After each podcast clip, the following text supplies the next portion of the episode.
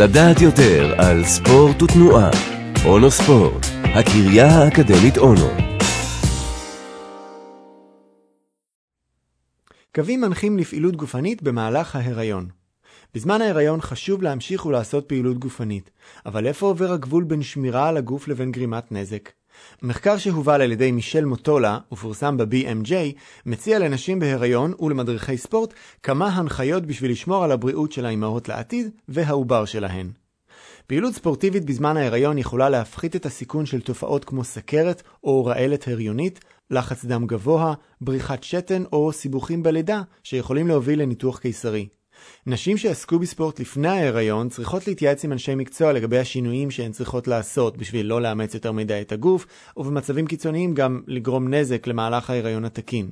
הקווים המנחים שהחוקרים גיבשו הם כלליים, וכל אישה צריכה להתאים לעצמה את האופי וההיקף של הפעילות, להקשיב לגוף שלה ולהיות עם האצבע על הדופק תוך כדי ההתקדמות של ההיריון.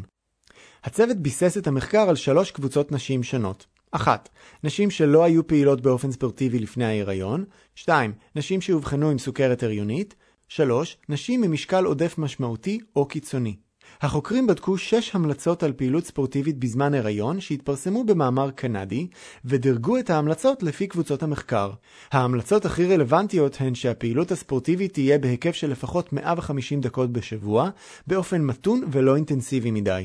האידיאל הוא שלוש פעמים בשבוע, ולא כדאי להגזים, כי פעילות יומיומית מאוד לא מומלצת. ההתעמלות המומלצת צריכה לכלול מגוון של תרגילי אירובי והתנגדות, ורצוי גם להוסיף תנוחות מסוימות של יוגה שמתמקדות בעיקר במתיחה של הגוף. החוקרים ניסו לבדוק האם על ידי חיזוק שריר רצפת האגן פעם ביום עם תרגילים שונים, אפשר יהיה למנוע בריחת שתן, אבל לא מצאו לכך מספיק עדויות. גם להצעה לטפל במקרים של תחושת סחרחורת או בחילה על ידי שינוי תנוחה משכיבה על הגב, לא היו מספיק הוכחות.